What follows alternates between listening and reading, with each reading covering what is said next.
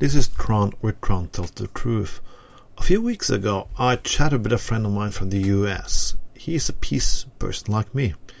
He is against the military industrial complex and have problem with American foreign policy.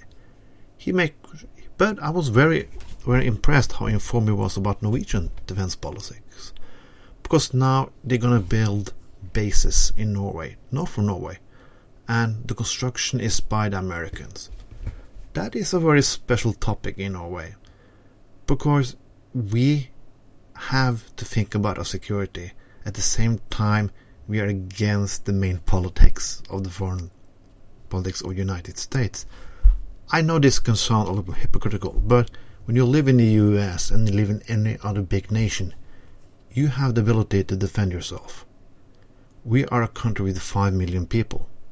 5 million people. That's not even half of New York City.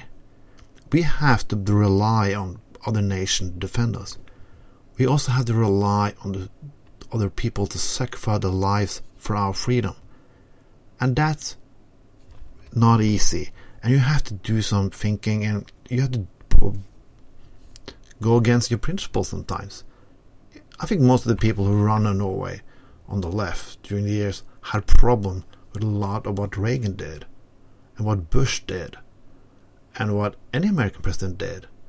I problem with all the invasions you did in Middle East the military interventions and support of the coup makers in different South American countries. But at the same time, we have some enemies on our side too.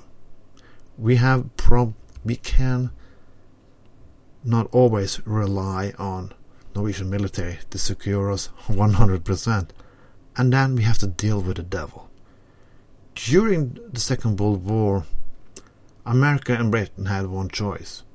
They can ally themselves with Stalin or not win the war.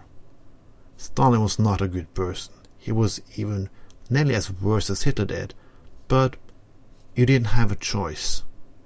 Sometimes in politics you don't have a choice. Today's civilization cannot be described as the same, but sometimes you don't have a choice. You have to do, you have to take a choice even if it's not easy. As a big nation, that's not anything you have to think about all the time. As a small nation, that's something you have to think about all the time. You have to look at your options and say, okay, we have to swallow some shit, but we have no choice. I wish for a better world. I wish a world with no war, a different American foreign policy, and a different strategy from NATO.